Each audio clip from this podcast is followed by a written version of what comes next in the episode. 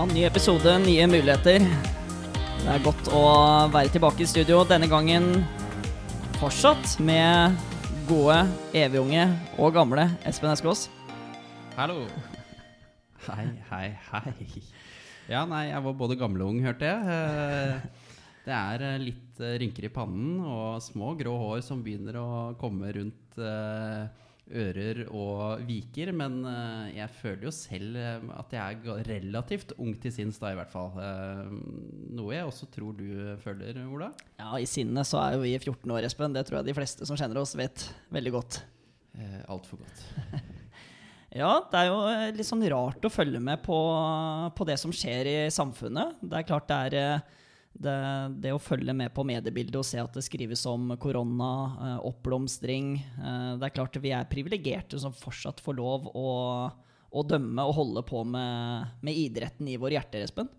Ja, det er jo litt skummel tendens eh, vi er vitne til nå. Vi, vi var jo veldig glad i sin tid, i juni, når vi liksom kunne sette i gang med fotballen og virkelig komme tilbake til eh, ja, en tilnærmet normal eh, hverdag for oss å være, da. Eh, men nå, etter at sommerferien er over og folk har eh, eh, måttet dra til utlandet og reise. Ikke forstår jeg hvorfor folk har måttet gjøre det. Jeg er småirritert på alle som har gjort det. Eh, på en måte er det Går det ikke an å ha én sommer hvor vi prøver å ta vare på hverandre istedenfor å utsette alle for eh, risiko? Ja, og så er det så rart, vet du, fordi med fasiten i hånda så er det lett å si at dette ble feil. Men hadde man hatt grensene stengt, eh, og vi fortsatt hadde hatt lav smitte i Norge, så hadde jo ikke kritikken latt vente på seg til politikerne heller, i forhold til at de burde ha åpna osv. Ok, kanskje man hadde sett på andre land og sett her er det en oppblomstring, og så hadde man på en måte fått fasitene likevel. Men nå ser vi konsekvensene av, um, av når vi begynner å ta sjanser. Man begynner å skjønne hvor raskt dette viruset kan spre seg, og, og alle forholdsreglene man må ta, dessverre. Ja, det er jo litt som å være dommer. Det er veldig lett å være etterpåklok. Skulle gjerne sett det fra den vinkelen eller eh, stått eh, i den posisjonen når vi så vurderingen. Så eh, ja. Jeg tror, eh, som du er inne på, med fasit i hånd, så, så var det kanskje dumt å åpne grensene. Men, men når de ble åpnet, så viste det seg jo å være relativt eh, eh, kontroll på, på alt som heter eh, smitte. Så eh, du er inne på noe. Eh, etterpåklokskap det er eh, lett både som dommer og som politiker, tror jeg. Ja, det er, det er helt riktig. Og så er det jo fint da, at, at nå, ok, nå strammer vi litt til igjen, og så får vi håpe at trenden går riktig vei, så vi liksom får fortsetter den optimismen og trua på at vi kan åpne samfunnet igjen. Og så nevnte du her eh, at, eh, at eh, ja, som dommer også, så tar man noen valg, og man må noen ganger endre avgjørelsen sin. Jeg prata med en god venn av meg, Alexander Olaussen. Han, han var en kompis som skulle studere i Australia, møtte kjærligheten i sitt liv der nede, gifta seg, og nå har han kommet for å bli, bokstavelig talt. Down under. Down under. Ja, og han ringte meg etter en kamp det hadde smelt litt. Og han er den typen venn som liker å reflektere rundt ting, reflektere rundt ulike ord. Og da begynte han å prate om ordet respekt, og det er jo et ord vi har hørt veldig mye om. Også NFF har jo hatt eh, eh, de visjonære tankene med liksom, dette handler om respekt på dommersida, på fotballsida. Men respekt, selve ordet, sa han, er jo delt av to ord, altså re og spekt. Og re, det handler om å gjøre noe om igjen, se noe på nytt.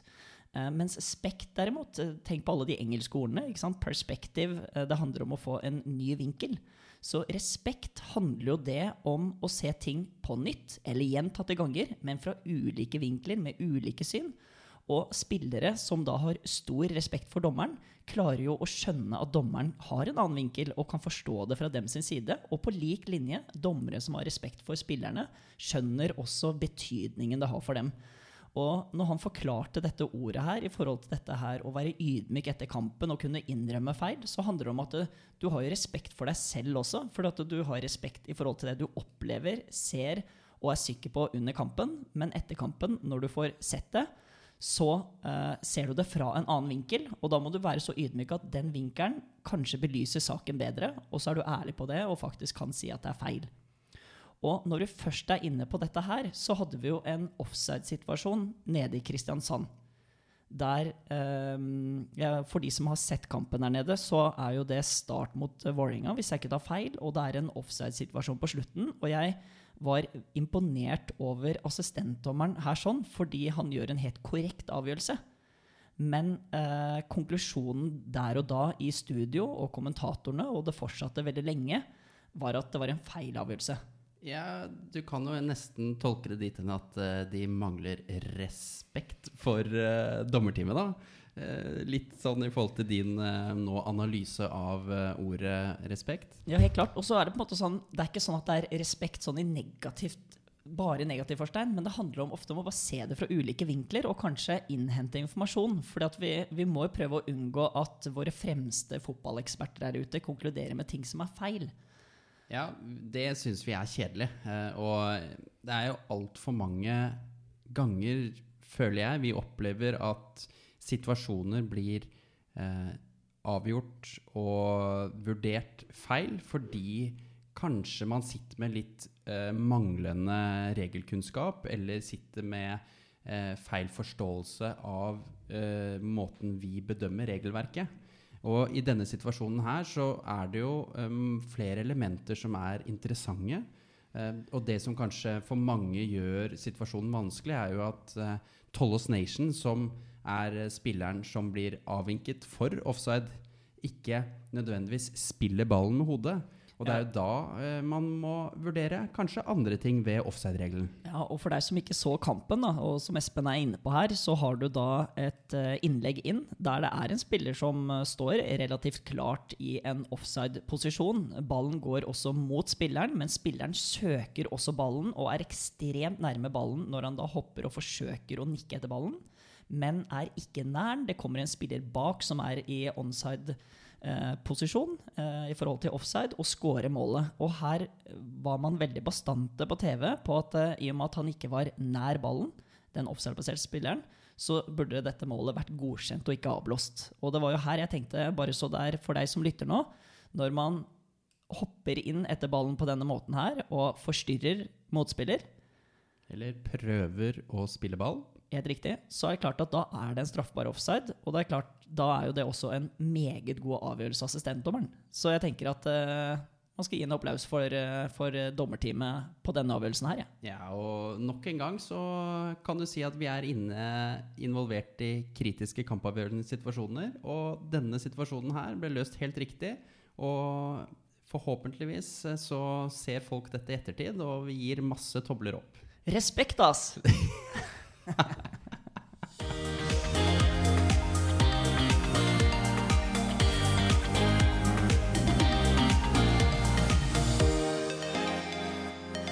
Ja, Vi fikk jo et spørsmål fra en av lytterne her i forhold til at nå er det jo internasjonal sesong. Og det betyr jo en ny måte å reise på. Det betyr en ny måte man skal eh, forberede seg inn til kampen, men det betyr også tester. Kan ikke du mm, fortelle litt om eh, hvordan dere har testet dere når dere skal nå forberede til en internasjonal sesong. Ja, du er jo inne på det at vi nå ja, kommer i gang. Men, ja. men, spørsmålet er jo om vi kommer i gang. Det er jo det som blir veldig spennende, både for oss dommere, men også de norske lagene som nå skal spille e-cup. Det er eh, en spennende periode hvor vi rett og slett får se om det blir noe voldsomt internasjonal fotball. Men er det sånn, Espen, at uh, at når et lag ankommer på en flyplass, så er det den nasjonen som skal teste igjen? Eller hvordan, er, hvordan fungerer det her, eller varierer det? Skal jeg være helt ærlig, så, så har ikke jeg 100% kontroll. Men, men eh, jeg har i hvert fall fått det for meg at det blir voldsomt med testing. Ja. Eh, og vi har nå i hvert fall eh, vært og testet oss allerede, sånn i forhold til å, å ha en test i kall banken, sånn at Uefa vet at vi, vi er testet, er, eh, eller vi har fått positivt svar om at testen er negativ. Og, men hvis det er sånn nå at vi blir oppnevnt til kamp, så må vi teste oss på nytt uh, rett før avreise. Vi må mest sannsynlig da bli testet når vi ankommer uh, hjemmenasjon. Såpass. Og vi må testes når vi kommer hjem. Eh, både én og to ganger. Mm. Og fordi vi i utgangspunktet skal rett inn i en eh, ti dagers karantene. Så det er nok eh, ganske spesielt for veldig mange, dette her. Hvordan foregår en sånn test? Ute eller inne, eller liksom bare så man får et bilde av hvordan dette er? Det er sikkert litt individuelt fra sted til sted og testlab og, og, og, og sånne ting, men eh, der hvor vi tok testen nå her i Oslo, så, så var det veldig fort gjort, da. Det skal jo sies. Det, det er jo ikke sånn at du må bruke en hel dag på dette her, men eh, til gjengjeld så Ja, det går fort unna, men eh, det er meget ubehagelig. eh, i de- Det var det jeg tenkte jeg skulle spørre om. ja. I de få sekundene det står på som verst. Så du føler jo at uh, du har en q-tips uh, godt oppi hjernebarken, som uh, er oppe og kiler litt der. Men, men det går fort over, så det er ubehagelig. Men eh, til gjengjeld veldig greit å få bekreftet at man eh, har et negativt svar. Ja, det er- Eller positivt svar og en negativ prøve, eller Ja, kommer an på måten du ser det på. Nei, nei, så gikk bedre det enn når vi skulle hente, um, hente en seng i Drammen, eh, Espen. Ja, så Vi burde nok hatt en form for test i forkant av den øvelsen også. Ja, fordi saken var at, uh, at uh, vi hadde kjøpt en stor uh, seng. og jeg spurte jo Espen om han ville være mental støtte og mentor for meg når vi skulle kjøre bilen og hente tilhenger. Vil du beskrive litt hvordan du opplevde denne turen, Espen? Nei, jeg hadde jo mentalt forberedt meg på det meste, egentlig. Sånn som i forkant av en fotballkamp. eh, Litt sånn som vi blir lært eh, at vi skal expect the unexpected. Eh, jeg har jo kjent Ola i mange år og vet jo hva han står for. Og hva han eh, innehar av diverse kvaliteter og egenskaper på og utenfor banen. Og jeg vet jo at det er vel jeg, jeg tar vel ikke voldsomt i hvis jeg sier at mannen er født med ti tommeltotter. Nei, det, det, da tar du ikke helt feil, altså. Så, så jeg var jo forberedt på at her kan det bli masse interessant eh, både lærdom og eh, rett og slett en interessant historie. Og det er jo derfor vi ender opp her, for det ble jo en interessant historie. Ja, så er det jo sånn at ehm, jeg tenkte jeg måtte forsikre meg om at tilhengeren var stor nok. Um, og det første vi opplever, er jo selvfølgelig at vi ikke har eh, strøm til tilhengeren. Så ingen kan jo se om du bremser eller ikke. Det, da var jeg usikker på om dette var noe vi måtte fikse, og da var jeg glad for at du var der. For da sa du at dette er det lurt at du fikser. Ja, jeg tenkte jo at det er greit at eh, bilene bak oss ser at vi bremser. det er jo liksom Ja. Det er en greit, kall det kjøreregel, det. Ja. Og så var det del to, og det var jo Jeg hadde jo fått forsikringer om at uh, tilhengeren var jo bred nok for å få senga nedi. For jeg tenkte hvis du får i hvert fall den ene, altså bredden nedi uh, tilhengeren, så er mye gjort. Uh, vi fant jo veldig tidlig ut at den bredden var jo litt for kort. Ja, den var for smal eh, til senga, den hengeren. Så det endte jo med at vi måtte ha liksom sengen oppå hengeren, og ikke i hengeren. Og da var jo dette her med stropper, eh, som du heldigvis hadde Ja, du hadde i hvert fall klart å innhente noen stropper i, i forkant, eh, i tilfelle vi, vi var litt ute på, på dypt vann. Og hvis det skulle være noen tvil, så er jo fartsgrensen med tilhenger uten bremser Hva er det, Espen? Det er 60 km i timen, det. Ja, i hvert fall et eller annet sted rundt der. Det har du i hvert fall lært nå. Ja, det er helt riktig. Så, men eh, det gikk bra. Vi besto jo det. Det var positivt, men ikke negativt forstand. Ja, altså det ble jo en uh, positiv opplevelse. Uh, så du har i hvert fall uh, lært deg å kjøre med henger på ordentlig vis.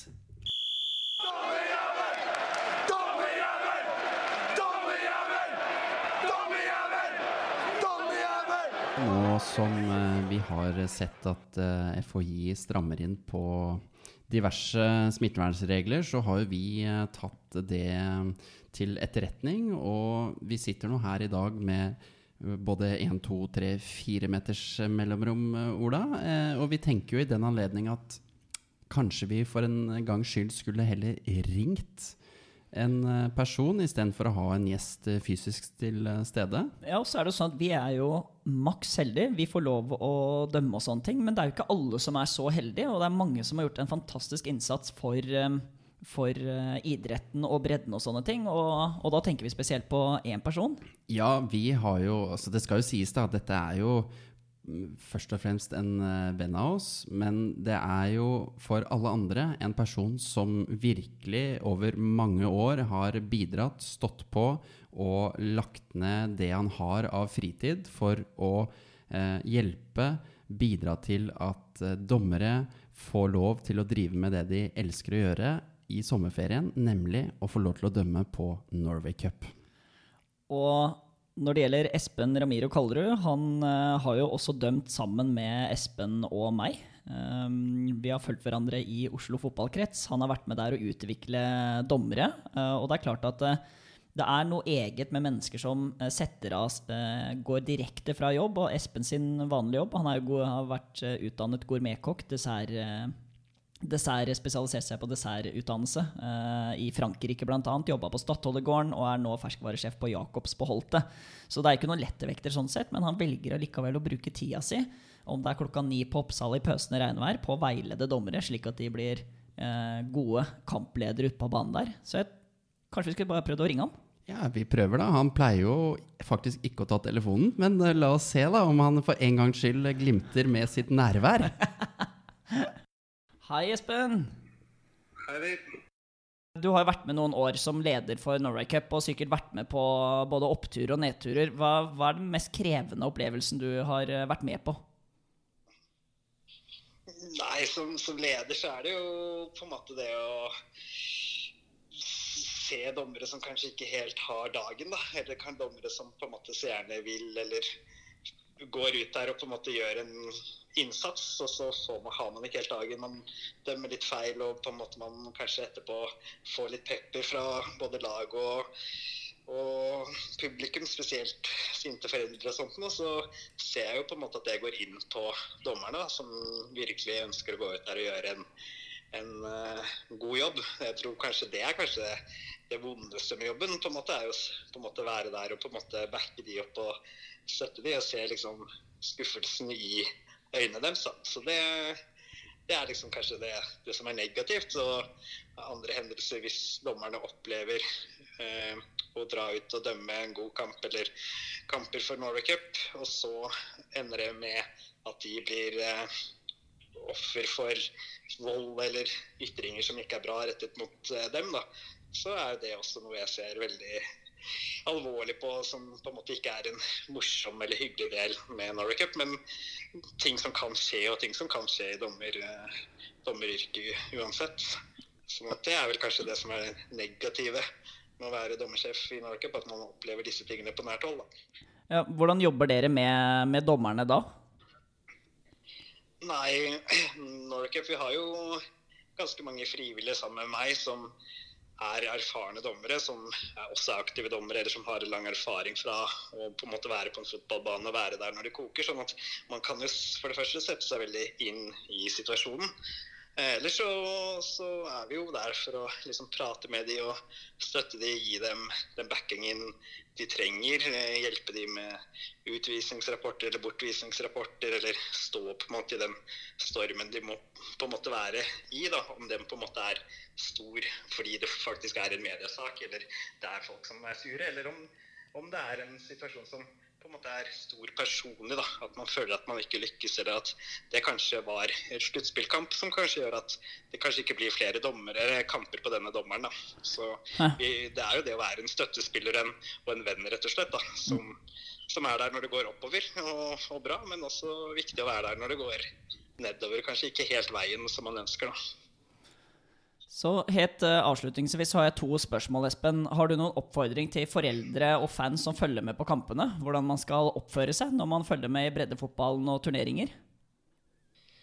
Ja, nei, jeg syns det er veldig bra med engasjement. Absolutt. Og det er kjempebra at folk er engasjert i fotballen og sånt. Og så må man jo ikke glemme det at det er menneskelig å feile, og det er menneskelig å, å på en måte bli usikker i ulike situasjoner. Og da tror jeg liksom oppfordringen vil være at man liksom tenker seg litt om før man ytrer seg. Da. Og det er eh, ofte sånn at vi som dommere, eller de som dommere, har en, for det første en regelkunnskap som kanskje ikke en mor eller far kanskje har. Og så har han en annen type vinkel og inngang til situasjonen som gjør at denne dommeren lander på en annen, et annet utfall enn det kanskje situasjonen tilsier. da, Uten at det nødvendigvis er feil. da. Og ofte er rett. da. Så det er viktig at man tenker seg om før man ytrer seg. da. Det er viktig. Men viktig med engasjement. Men uh, jeg tror på viktig, Jo yngre dommeren er, og det er barne- og ungdomsfotball, så bør man være, støtte dommerne også i sin vei oppover i systemet. Utrolig bra sagt, eh, Espen. Vi har jo pratet om dette med respekt i dag og sånne ting. Og faktisk det å kunne se alderen på dommeren og skjønne at eh, fotballspillet handler ikke bare om sitt eget lag, men om motstanderlaget, om fans, om dommere og hele den biten der. Jeg syns du oppsummerte veldig bra på slutten her. Er du ikke enig i det? Jo, dette her var vel fasit på hvordan vi ønsker å ha det på Ekebergsletta når det er Norway Cup eller alle andre steder hvor det spilles barne- og ungdomsfotball. Så dette tror jeg vi bare skal ta til etterretning. Da takker vi for eh, din tid, Espen, og vi krysser fingrene for en vellykket eh, Norway Cup eh, neste år. Ja, vi håper på det alle sammen, vi som jobber med det. Jeg syns det var veldig synd vi ikke fikk, fikk gjort noe i år. Men til neste år, så sant det lar seg gjøre, så skal vi virkelig levere. Altså. Så det blir veldig, veldig bra. Så det gleder vi oss til. Lytter du til podden, eller? Ja, Det er et dumt spørsmål, Ola. Så klart gjør jeg det. Ja, det er utrolig hyggelig å høre. Du, Vi snakkes nærmere. Takk for din tid, Espen. Helt bare hyggelig, det, vet du. Det er utrolig hvordan eh, ildsjeler eh, står på for, eh, for fotballen og driver med dommeropplæring, dommerstøtte, i hele tatt får en verdens største fotballturnering til å gå rundt. Og det leder jo oss til en, en veldig spennende greie som, som vi har snakket lenge om, Espen. Ja, og det var vel egentlig noe vi tok opp allerede når vi snakket om om vi skulle starte en podkast. At vi har eh, en tanke om det å kunne lage vår egen pris. Ja, og da er vi fullstendig avhengig av deg som lytter nå. Hvis man går inn på dommerjævel.no, så vil du se at eh, det ligger en egen link, og den, heter, den prisen heter Årets Fair Player. Og her kan du nominere, skrive inn eh, saker som også som har skjedd tidligere, for at vi skal kunne hylle eh, de, de Fair Play-tingene som skjer på banen, også utenfor eh, som vi kan hylle og få frem her, og som skal kulminere i en pris på slutten av året, der vi ut, utmerker og hyller én person som årets fair player. En person eller en klubb, det har egentlig ikke så mye å si, så lenge handlingen er eh, det vi vil kategorisere som eh, i vår fair play-ånd. Kan du huske noen øyeblikk du har sett på TV, eller en kamp du har vært i, der eh, det har vært eh, utmerket seg med fair play, eller med handlinger der som har imponert deg? Ja, jeg syns jo Hvis, vi tar, kall det dagsaktuelle situasjoner, så setter jeg alltid stor pris på eh, situasjoner som oppstår under eh, kamper hvor du har spillere som erkjenner å ha gjort noe feil, f.eks. Eh, spillere som takler hardt, eh, går bort og unnskylder seg. Altså spillere som, som virkelig lever og ånder for fotballen, men som også skjønner når han skal være snill og god og behjelpelig, både overfor egne kamerater, motstandere eller oss dommere. Så sant, så sant. Det er vanskelig å være uenig. Altså, du som lytter, se om du kjenner en eh, slik type person eller en handling du har vært borti som eh, du ønsker at vi skal nevne, så skal vi sørge for at det blir hyllet opp og frem. Mine damer og herrer, årets player. Også kalt fair player. Dommerjævel! Dommerjævel! Dommerjævel! Dommerjævel! Det har jo vært en eh, diskusjon i eh, ulike fotballpods, og blant de som er engasjerte rundt fotball i Norge, så er det jo en del som har diskutert dette med antall dommerfeil og sånn, og vi har jo også blant dommerne sett at det har vært gjort eh, sånn sett flere, flere kampavgjørende feil i år enn tidligere. Det at man har hatt perioder også tidligere år der det er gjort feil, hører jo mer til normalen enn unormalen. Men eh, det var en av lytterne som utfordra meg litt, fordi han hadde en hypotese om at antall feilpasninger hadde økt i år. Han hadde en hypotese om at um, antall, um, antall personlige feil hadde økt på banen. Og han hadde også en hypotese om at ballen var mer innenfor 16-meteren i prosent i år enn den har vært tidligere. Og sånn fortsatte han å regle opp og regle ned. Og så fant vi ut eh, i går her at det er et program som heter Oppda, som lagene bruker for å analysere og finne statistikk fra alle slags mulige kamper. Og det hadde vært interessant fram til neste episode å sett om dette stemte. Fordi da eh, kan man også eh, begynne å se ting fra et litt større perspektiv. Vi har jo tidligere i episoden prata om respekt. Og jeg synes det har vært interessant, fordi hvis det er sånn at alle andre i norsk fotball er helt feilfrie, men det er bare dommerne som gjør mer feil, så skal vi fortsatt stå ved det vi allerede har sagt, at det har vært gjort mer feil, og at vi, vi må hjem og trene. Men akkurat det å gi noen nyanser på det, det hadde vært veldig interessant. da. Helt fascinerende, spør du meg. Eh, og jeg òg har vel en, kanskje en liten fornemmelse av at eh, antall situasjoner vi må vurdere, ja, si innenfor 16-meteren, har gått opp. Så at eh, nødvendigvis ikke feilprosenten i den forstand er så fryktelig mye høyere enn hva den har vært tidligere. Men fordi det er flere situasjoner å vurdere, du var inne på det, eh, spillere gjør flere eh, personlige feil, kanskje. Spillerne eh, har flere feilpasninger som føler, fører til brudd og, og nye situasjoner innenfor 16-meteren. Eh, klart at Dette er jo ting man må se nærmere på, uten at vi skal konkludere med det ene eller andre. Men det er jo veldig interessant da, Ja. hvis det er sånn at eh, også lagene, spillerne, trenerne gjør eh, feil og eh, gjør til at eh, vi som dommere får flere situasjoner å vurdere i løpet av kampen.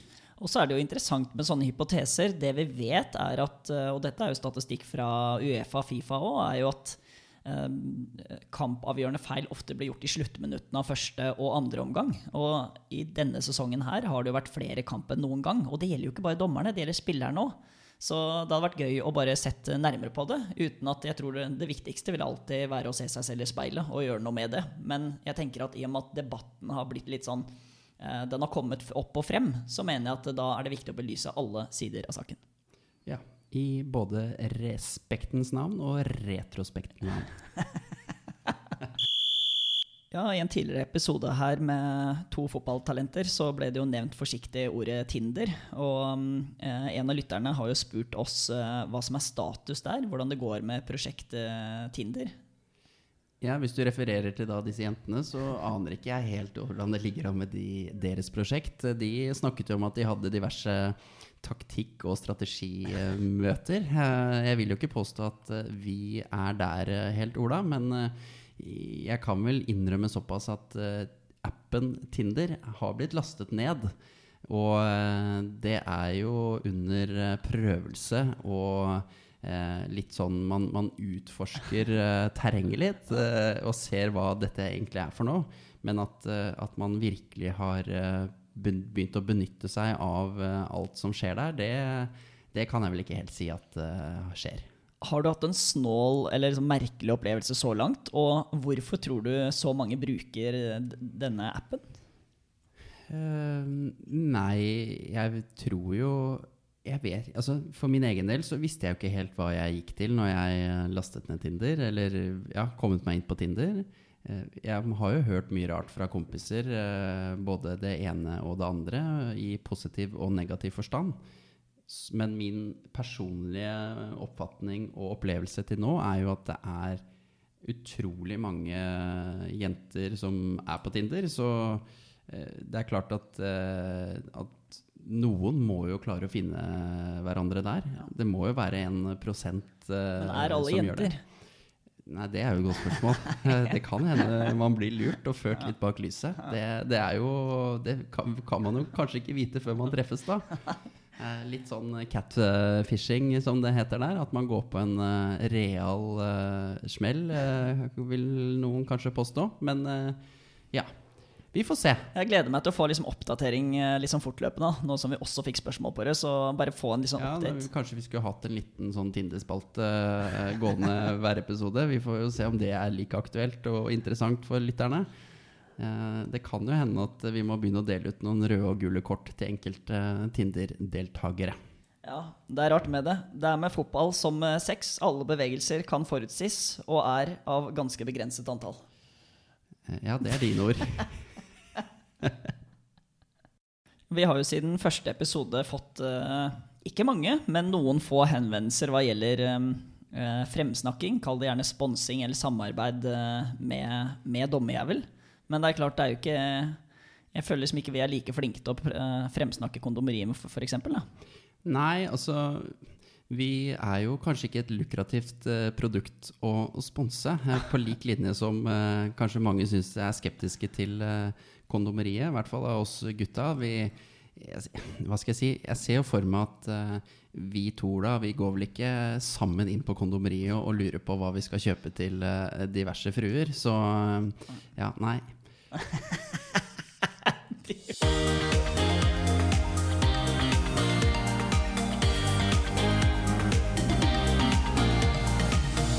Ja, aldri en quiz uten en pod. Ja, nei, det er jo gjerne quizer vi lever for, så at uh, quizen har blitt podden, det, det kan godt være riktig, det. Ja, eller en pod uten en quiz. Vi skal nå raskt og gæli gå gjennom svaret fra forrige quiz-spørsmål. Vi har eh, allerede plukket ut en vinner som har mottatt en mail fra oss i dag. Eh, Spørsmålet var som følger. Ved dropp skyter en spiller ballen direkte i eget mål. Dropp skyter i eget mål. Vi ga fire alternativer, og riktig svar er hjørnespark. Så det Der var det faktisk en del som hadde svart feil, og veldig mange som sa at det er ny dropp, men det er det altså ikke. Men mål er det altså heller ikke. Hjørnespark er riktig svar. Og så har vi jo fått inn et interessant spørsmål her. Det var en lytter som sendte inn her et eh, konkret spørsmål. Eh, Hvordan lød det, Espen? Nei, det er veldig fascinerende, og det er jo jeg skulle nesten tro det var tatt ut fra en uh, eliteseriekamp. Eh, det kunne like gjerne vært det. For det, denne aktuelle situasjonen handler jo om at ved et uh, innkast, altså ballen er ute av spill, plutselig så vinker assistentdommeren. Han prøver å tilkalle deg, og han forteller deg følgende at det er en av laglederne på uh, Ja, vi trenger ikke å nevne hvilket lag, vi kan kalle det for lag A. En av laglederne på lag A har ropt kraftig med gestikulering og ytret sin misnøye til en i dommerteamet. Dette her var jo da eh, assistentdommeren, og vi kan jo si at han har liksom skreket og ropt 'Få opp øya, linjemann!' For eksempel. Eh, vi mener jo at dette kvalifiserer til en bestraffning, og i år så kan det hende at det har kommet noen nye regler. Så spørsmålet er jo da hva skjer nå? Fordi han har jo ikke kontroll på hvem som har ropt dette her. Bare at det er en fra hjemmelagets benk.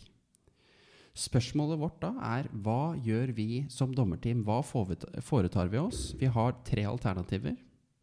Alternativ A er at du som dommer gir lagleder som befinner seg nærmest assistentdommeren, advarsel. Alternativ B er at du gir hovedtreneren gult kort for kollektivt ansvar når det gjelder opptreden i lagets tekniske område. Eller svaralternativ C, du gir lagledelsen kollektivt tilsnakk for provoserende tilrop til assistentdommeren. Og det interessante med spørsmålet Spørsmålet kunne kommet i fjor, men da hadde det vært et annet svar på det. Helt riktig. Så den, eh, den var spot on. Takk til eh, Magnus som sendte inn dette gode spørsmålet. Ja, han er en kløkker, han. Det er fantastisk. Tusen hjertelig takk. Vi nærmer oss vel eh, slutten på nok en episode. Og så er det jo slik at eh, Tom Henning Aurebø vil jo etter hvert komme i studio sammen med oss. Og hvis eh, du som lytter der har noen spørsmål hva gjelder psykologi og det mentale aspektet Fordi eh, det ikke mange vet, er jo at eh, Tom Henning har jo både som aktiv dommer, men også etterpå jobbet med dommerne innenfor psykologibiten. Han har jobba med Olympiatoppen og en rekke andre prosjekter som vi gleder oss til å høre mer om. Har du noen spørsmål som du ønsker svar på, enten det gjelder bredde eller topp, så fyr løs inn til oss, så skal vi få stilt de til Tom Henning ved en meget snarlig anledning. Og så er det jo ikke lenge til eh, neste pod-innspilling. Det er egentlig bare å tune opp på dommerjævel.no, så kan man abonnere for å få varsel på både nyheter og de kommende ferske episodene. Der er det nedtelling på neste release. Ja, og det er også greit å nevne at dere finner oss på Instagram. At uh, Dommerjævel. Der er det også dagsaktuelle ting som kommer. Vi eh, legger ut eh, episodene eh, der, så følg oss gjerne på Instagram, hvor du også kan sende inn eh, spørsmål. Og så er det jo som en vis mann en gang sa. Ballen ligger der, ber om å bli sparket, vil suse inn i målet. Alt som trengs er et spark, et bitte lite spark, helst med tilløp. Jeg tar fart, én, to, tre skritt tilbake, også fremover. Treffer på vrista, kjenner det, krafta går gjennom foten, gjennom ballen. Ballen letter, flyr fremover, går høyere og høyere, daler inn mot mål. En liten skru, og ballen havner i krysset. Plutselig lever verden. Tiden sto stille. Nå går alt fort. Jeg står midt i alt. Står der. Mitt beste treff noensinne. Glede, jubel, alt om hverandre. Og jeg elsker ballen, som igjen ligger der. Byr seg frem, vil brukes, vil skape lykke. Verden over. Takk for oss. Amen.